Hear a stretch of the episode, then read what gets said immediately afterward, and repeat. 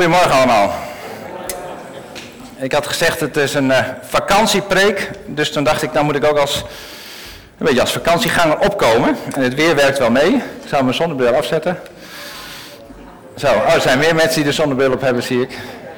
Fijn dat jullie er allemaal zijn. Het is uh, bijna vakantietijd. En voor sommige mensen is het al vakantietijd. En voor sommige mensen zit deel 1 van de vakantie er al op, denk ik. En dan komt er nog, misschien nog een deel 2. En uh, de kinderuitje, wie, wie is er naar het kinderuitje geweest? Oké, ja, ja, grote en kleine kinderen zie ik. Super. Was leuk?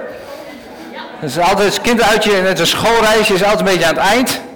En dan zijn er nog examens en dan, sommige mensen halen misschien zelfs een zwemdiploma. Wie heeft een zwemdiploma gehaald? Zag ik die? Waren? Ja, gefeliciteerd. Ja, daarachter denk ik, ja. Ik zag een uh, briefje erboven. Feliciteren tijdens de koffie. Hey, uh, wie, wie heeft er zin in de vakantie? Wat handen omhoog? Ja. Het, nou, de kinderen van de basisschool hier even naar voren komen. Willen jullie even naar voren komen? Dan gaan we even, kijken, even horen wat jullie zo leuk vinden aan de vakantie eigenlijk. Dus dan kan je daar even over nadenken. En ook als je de vakantie niet leuk vindt, mag je ook naar voren komen. Gaan we eens even zitten. We hebben hier een tentje. Het tentje is van Martanja en van Bart. Zo zullen we hier maar gewoon gaan zitten? Dan hebben wij even... Oké. Maar dat heb je wel vaker met vakantie. Dan heb je te weinig stoelen. En wie wil dan op de mooiste stoel zitten? Ja, dat weet ik eigenlijk niet. Nou, ik zie al iemand. Ja. Nee, nog niet. Oké. Dus jullie vinden het leuk om vakantie te hebben. Wat, wat is er zo leuk aan de vakantie? Wie kan dat mij vertellen? Oh, nog niet allemaal. Ja. Uh, je kan... Oh, ik moet even de microfoon aanzetten. Ik dacht dat die aanstond. Linker of rechter knopje, Katrines? Links zie ik, ja.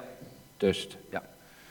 Je kan op vakantie gaan of naar de camping en uitslapen. Ik niet. Oh, jij niet. Ik ga naar de camping gaan en ja, uitslapen ook. Wie slaapt er allemaal uit in de vakantie? Oh, één, twee. Sommigen wel, anderen niet. Wat is er nog meer leuk aan de vakantie? Dat je niet naar school hoeft. School hoeft, ja, dat is mooi aan de vakantie, hè? Ja, ja. En wat gaan jullie in de vakantie doen? Wie kan dat vertellen? Vakantie, en wat ga je dan in de vakantie doen? Nog weet je nog niet. Nou, kijk, dat, dat is ook voor je. Je hoeft het allemaal niet eens te plannen. En je kan, kan, als je ochtends denkt, ik heb zin om wat te doen, dan ga je wat, wat doen omdat je vrij hebt, hè? Vrij bent. Ja. Um, wat is er nog meer leuk aan de vakantie? Wie kan er nog meer iets vertellen? Jij bent al geweest, is er nog iemand anders? Nou, weet jij het? Jij weet het niet. Nee. We hebben al gezegd vrijheid en jij wilde nog iets zeggen. Laat op bed. Laat, ja, laat op bed en laat van bed. Doen waar je zin in hebt. Niet naar school hoeven. Ja. En wie van jullie is er wel eens in een tent geweest te slapen? Nee. Jij niet? Ja. Jij wel? Jij ook wel? Ja? Was het leuk? Nee, jij niet, zegt zijn broer. Nee. Ah, en waar, waar ben jij geweest in de tent? Weet je dat? Ik, ik weet niet meer waar. Nee, maar hoe vond je dat? Leuk. Leuk, ja. Ik, ik, vind, ik vind vakantie ook leuk. Ik was laatst was ik een week weg in een tentje, nou veel kleiner dan deze. En dan, eh, misschien heb je het ook wel eens gehad als je uit logeren bent geweest of als je in een tentje bent geweest en dan kom je weer terug. Dan is het zo heerlijk om weer thuis te zijn. Dan kan je gewoon weer naar je eigen wc. En je kan weer op de bank zitten, je hoeft niet meer op een klein krukje te zitten. Dan is het ook wel lekker om thuis te zijn, of niet? Als je nou op vakantie bent, wat, wat mis je dan het meest van thuis? Zeg het eens. Mijn Nintendo Switch. Ah, de Nintendo, die heb je niet meer op vakantie. En wat jij? Bed. Je bed, ja, ja, je kan je bed ook missen, ja. Het is dan heerlijk als je thuis komt, dan denk je, oh, wat is het eigenlijk heerlijk. En misschien is het aan het eind van de vakantie ook wel weer heerlijk om dan weer naar school te gaan. Dat het ook wel weer lekker is om wat te leren, maar daar is het nu nog te vroeg voor. Ja. nou, weet je, in de Bijbel kamperen mensen ook. Er was een volk, het volk Israël, de Joden, die zijn heel lang aan het kamperen geweest in tenten. En toen zei God tegen hen, en toen ze uiteindelijk weer, weer thuis waren, zal ik maar zo maar zeggen, in het beloofde land waren aangekomen, toen zei God, dat moet je wel heel goed blijven onthouden, dat jullie in die tenten uh, gezeten hebben. En er is dus een feest geworden en het feest is het Loofhuttenfeest geworden. En ieder jaar vierden de Israëlieten het Loofhuttenfeest. En denken ze terug dat ze in tenten zijn geweest. En daar heb ik een filmpje van. En daar gaan we nu even naar kijken hoe dat eruit ziet. Want ze bouwen elk jaar bouwen ze tentjes in hun achtertuin. Van hout en van, van, van takken. En het filmpje begint en zegt, morgen is het Loofhuttenfeest. Dat klopt niet helemaal, dat is eind september dit jaar. Maar kijk maar eens even naar hoe het volk Israël ieder jaar ook een stukje vakantie viert. Kun je het zo zien? Morgen begint het Joodse loofhuttenfeest. En de broertjes Eitan, Jehuda en Jedidja uit Tel Aviv in Israël helpen mee met het bouwen van een שלום, hut. קוראים לי איתן, אני בן 11 מגבעתיים, ואני בונה סוכה. De loofhut herinnert de Joden aan de hutten waarin het Joodse volk leefde in de woestijn nadat ze uit Egypte waren כשיצאנו gevlucht. ממצרים, היה מעלינו עננים שהגנו עלינו. אז אה, הסוכה היא כמו, אה, כמו העננים שהיו מהצדדים. זה הדפנות, העצים, ועוד מעט שנגמור את הסוכ- לבנות את הסוכה, אז יהיה למעלה ענפים, וזה יהיה כמו העננים שישמרו לנו מלמעלה. שלום. Het is twee dagen later. Eitan en zijn broertjes hebben al een paar nachten in de soeka geslapen. Ze hebben de hut versierd met foto's en plaatjes van Israël. Met bloemen, de natuur, het landschap, maar ook met rabbijnen en Joodse profeten. Het is tijd voor het ochtendgebed in de synagoge. Eitan legt uit waarom hij deze takken en een citroen bij zich heeft. Die staan namelijk symbool voor hoe verschillend Joden met hun geloof bezig zijn. In de synagoge zie je tijdens dit ochtendgebed alleen jongens en mannen. Meisjes en vrouwen hoeven dit gebed niet te doen. De gelovigen zwaaien tijdens het lezen van bepaalde psalmen met de takken en de citroen in alle windrichtingen. Zo vragen ze hun God om te zorgen voor al het groen op de wereld. De spullen in hun handen hebben allemaal een eigen symbolische betekenis. De citroen staat bijvoorbeeld voor de Joden die de Torah bestuderen en leven volgens de regels die hierin staan. De palmtak staat voor Joden die alleen de Torah bestuderen. De mertentakken slaan op Joden die niet de Torah bestuderen, maar die wel de regels toepassen. En de beekwilgtakjes staan symbool voor Joden die het allebei niet doen. Na het bidden gaat de familie terug naar de soeka. Hun huis voor een week.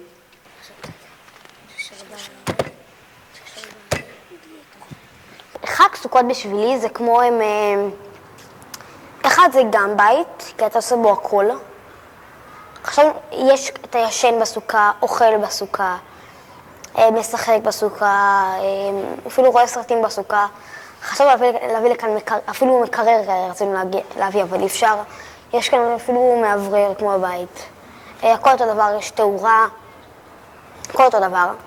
וזה חג גם, אה, גם כיף, גם רק כיף, וגם אה, סתם, אתה אוהב את, ה, את ההרגשה, את ה... נגיד, אני, אוהב- אני אוהב, אוהב מאוד את האתרוג.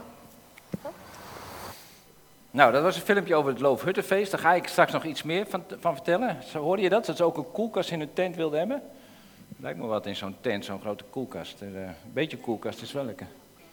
Nee, een mini-koelkast, dat is wel fijn. Ja. Jullie krijgen een, een kleurplaat. En de oudere kinderen is er ook een rebus en een woordzoeker. eh, dat over het Loofhuttenfeest gaat. Als jullie nou weer bij je ouders gaan zitten of eh, achterin, als je dat een beetje rustig kan doen, dan ga ik met de ouders en de anderen van in de kerk nog iets meer vertellen over het Loofhuttenfeest. Bedankt dat jullie hier waren en alvast een goede vakantie, maar dat duurt nog een paar weken. Hè? Ja, dus succes hè. Jo.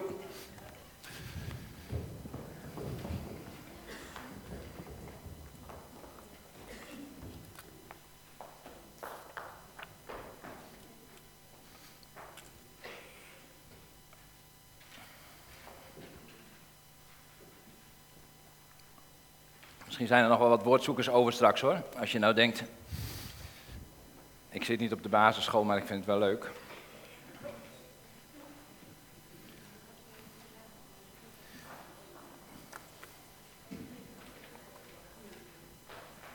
Goed. Gaan wij ons wat verder verdiepen in het Loofhuttenfeest. Maar eerst wil ik jullie eh, eh, vragen om even te kijken wat je hier op het scherm ziet. Is niet heel moeilijk, denk ik, hè? 12, 13, 14 hoor ik. Ja. En wat zie je hier?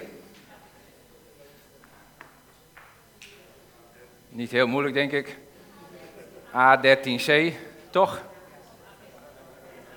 A, B, C. Wat is het nou eigenlijk?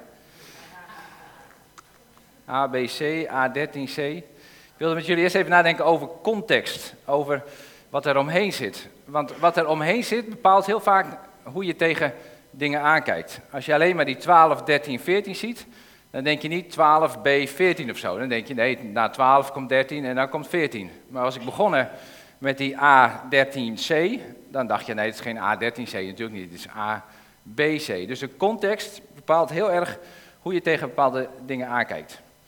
Ik sprak naast iemand die zei, ik heb al 15 hamburgers gehad. De afgelopen vier weken.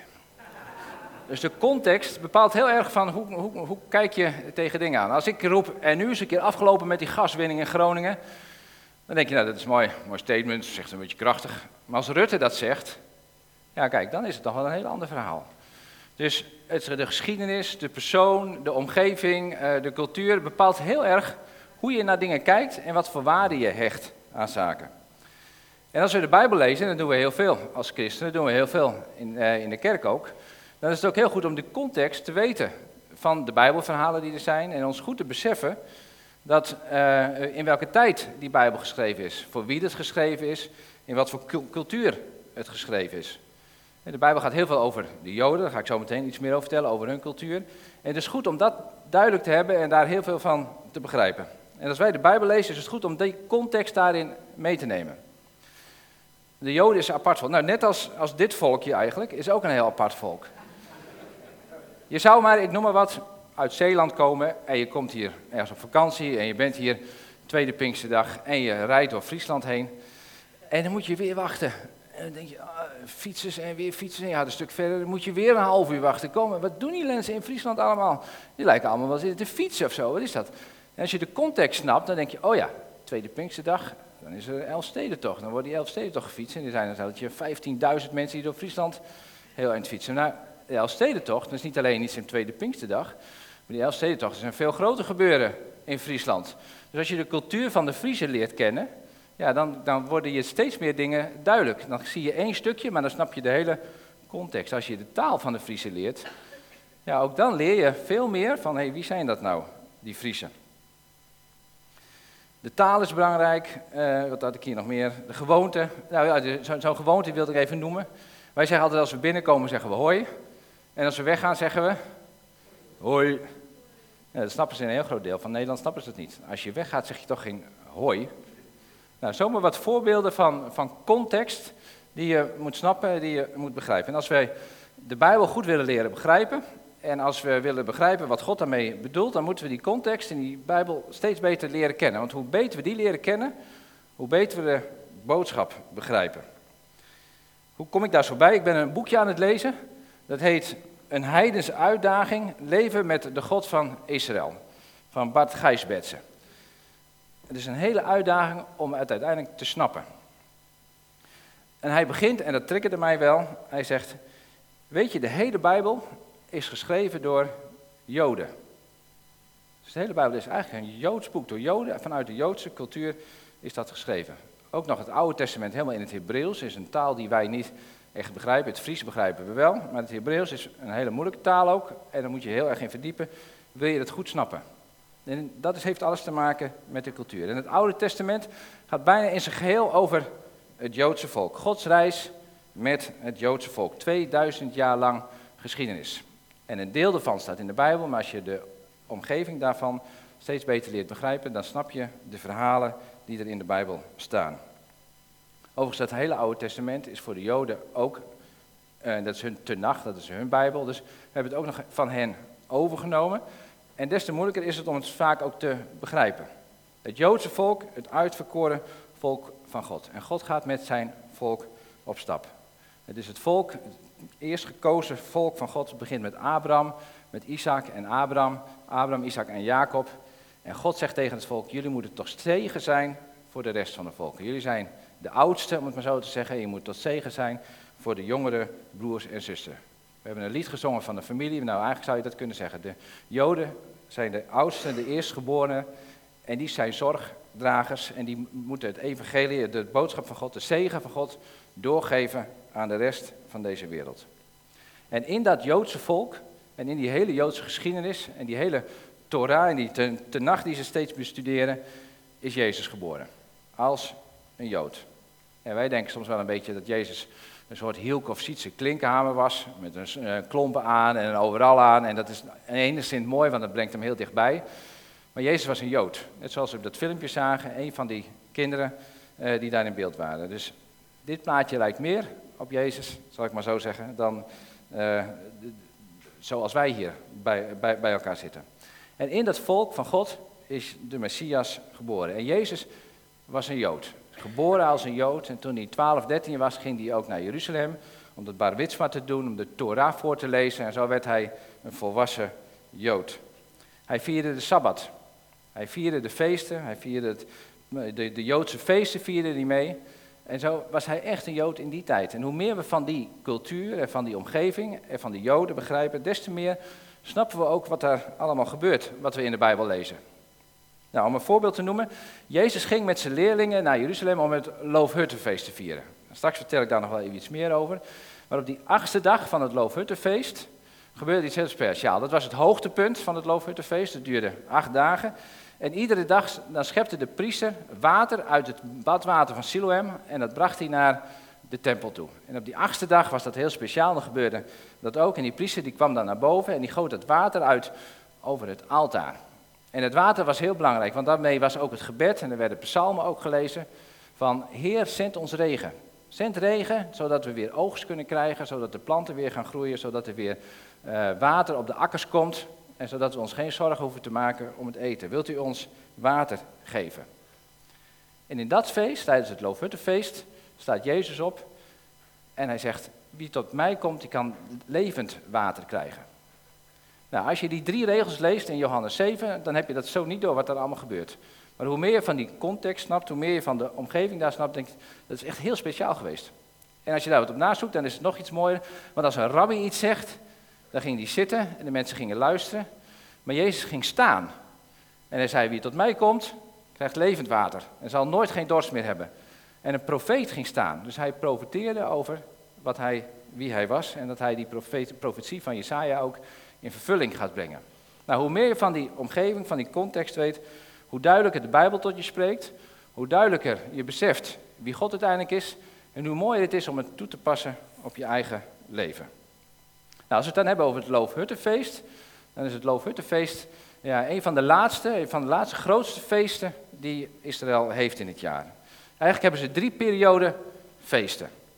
De eerste periode, dat is bij Pesach en de ongedezemde brood, de ongezuurde broden. Zo ben ik opgevoed, maar uh, dat betekent dat het brood niet gaat rijzen. Nou, dat was het begin van de oogst. Die feesten, die periode van die feesten hebben allemaal met de oogst te maken. En als de eerste oog kwam, ja, dan is het het Pesachfeest. En het Pesachfeest denken de Joden aan de uittocht van Egypte. Dan vieren ze het Pesach. En volgens de volgende dagen dan vieren ze dat feest van die ongezuurde broden, van die platte bodem die je hier ook op dit plaatje ziet. En dan zeven weken later, na Pesachfeest, dan krijg je het. Je mag meedenken. Ik denk, nu mogen ze meedenken dat ik hier staan.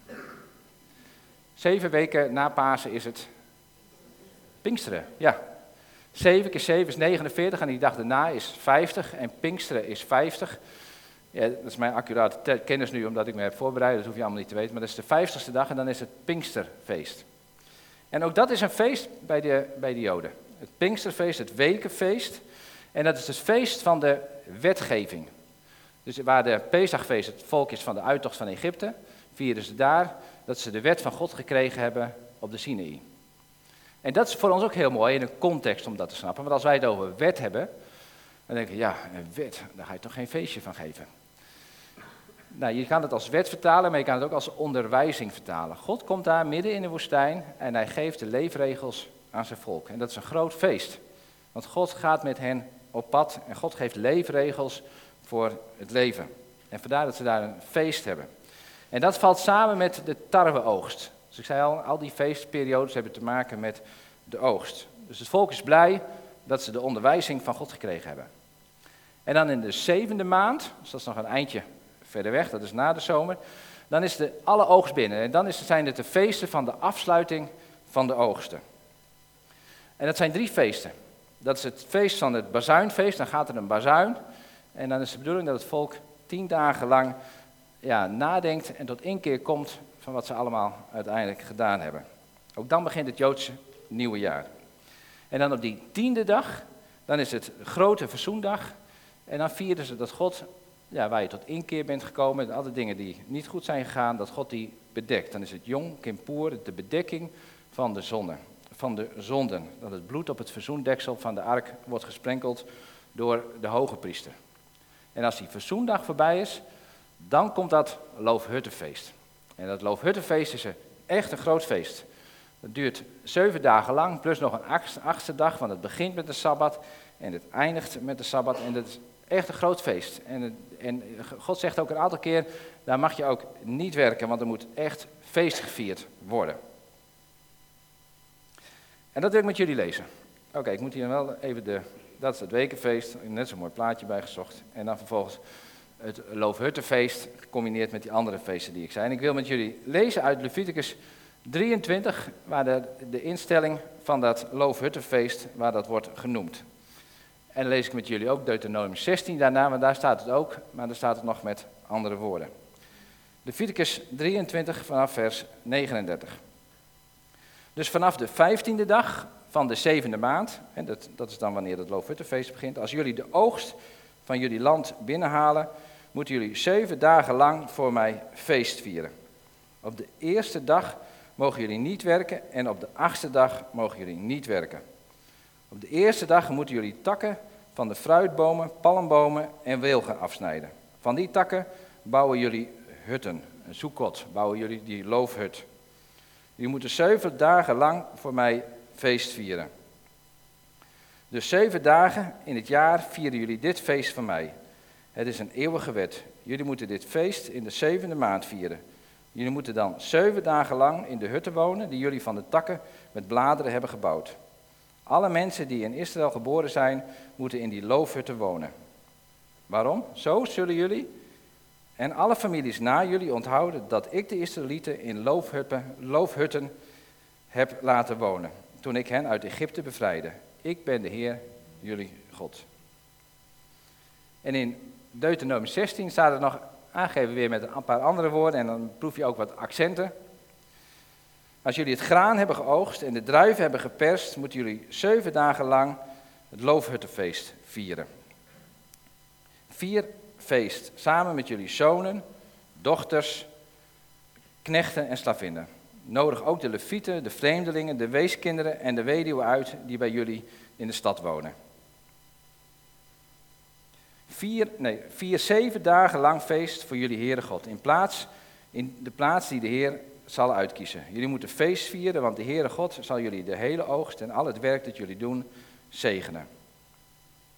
Nou, dan is er nog een soort samenvatting. Dus drie keer per jaar moeten alle mannen bij de Heer komen in de plaats die de Heere God zal uitkiezen. Op het feest van de ongegiste broden, het wekenfeest, dus dat is het Pinksterfeest, en uiteindelijk het derde blokje in het Loofhuttenfeest. Maar jullie mogen nooit met lege handen bij de Heer komen. Iedereen moet iets meebrengen en de goede dingen die de Heere God hem heeft gegeven. Nou, dat is het feest wat ze moeten doen, wat ze ieder jaar moeten vieren. En ze hebben net in dat filmpje gezien dat het nog steeds gevierd wordt. En waarom moet dat gevierd worden?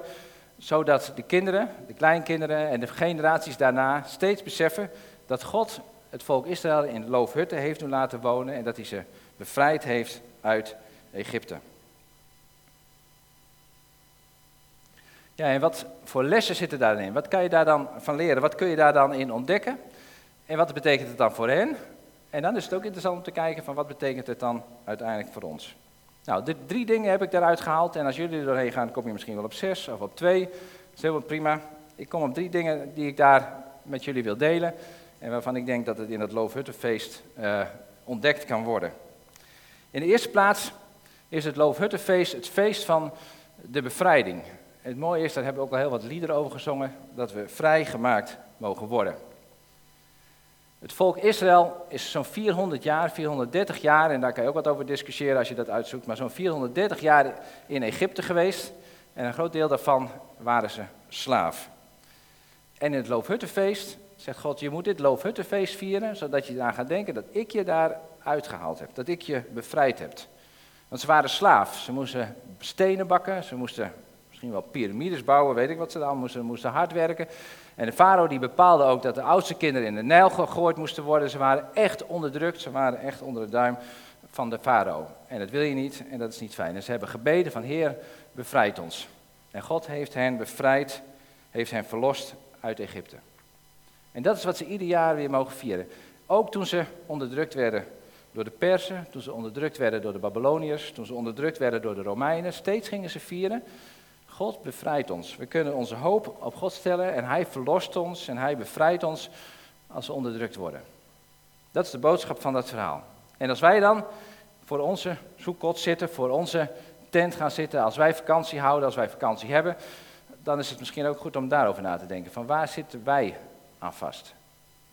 De Joden zaten vast als slaaf in Egypte. En het is misschien goed om in je eigen tent, in je eigen vakantie, het is een vakantieweek, een vakantiepreek heb ik gezegd, eens na te denken van waar zit jij aan vast? En de vakantie is daar uitermate geschikt voor, omdat je dan ook even loskomt van alles.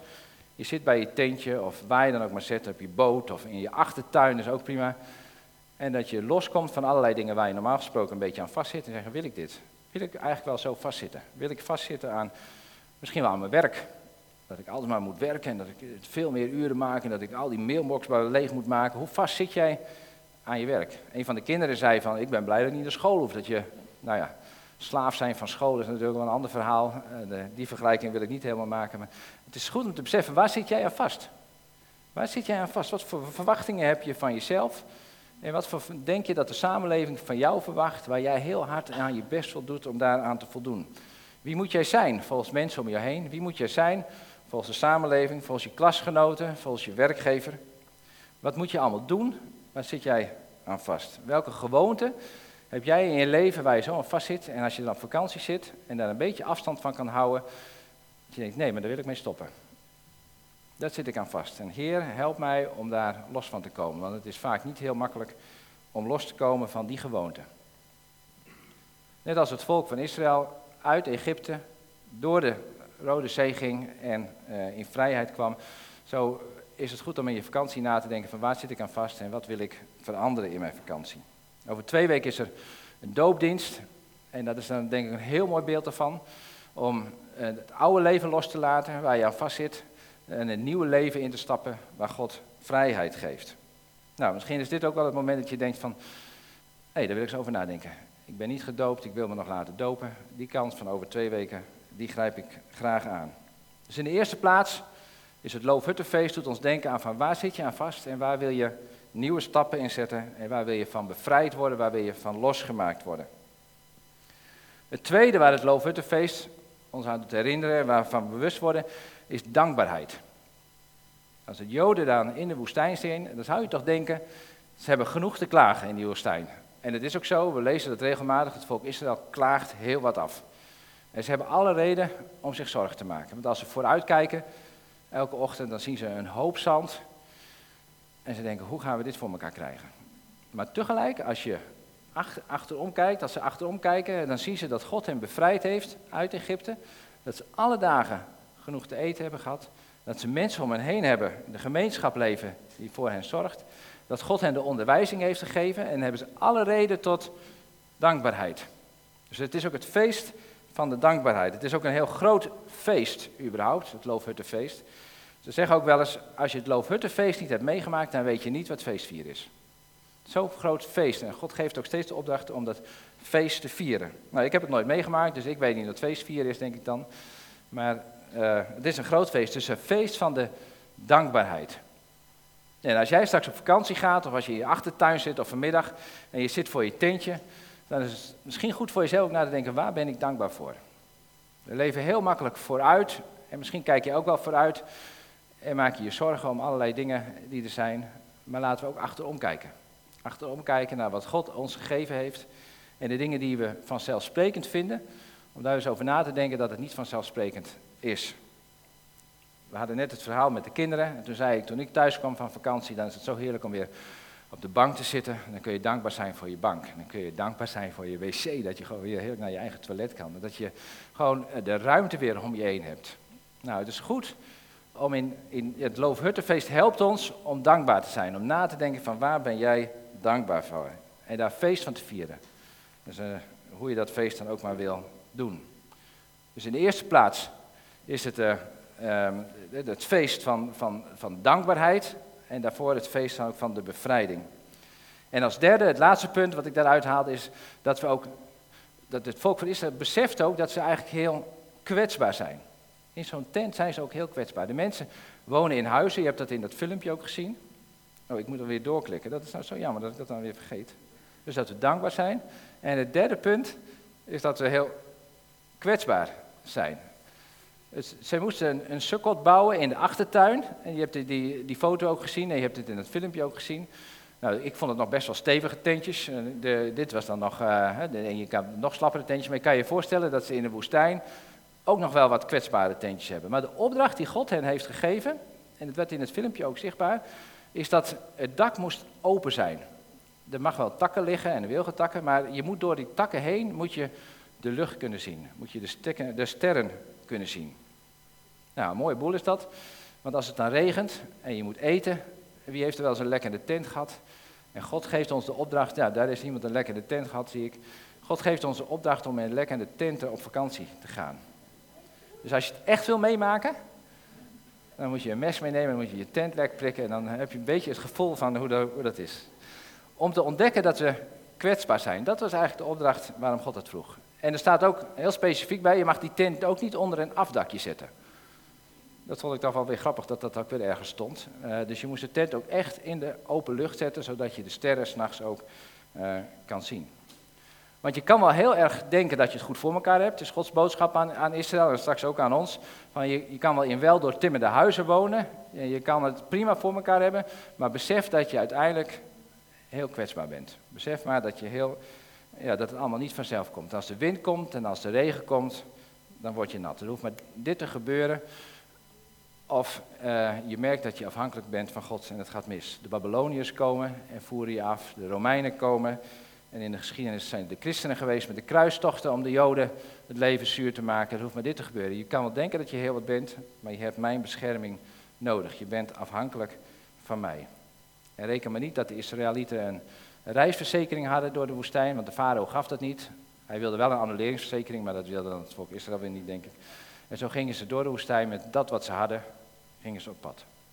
En als wij voor ons teentje zitten, als wij op vakantie zijn en we hebben ook wat primitief, dan is het ook aan ons van hoe kwetsbaar wij zijn.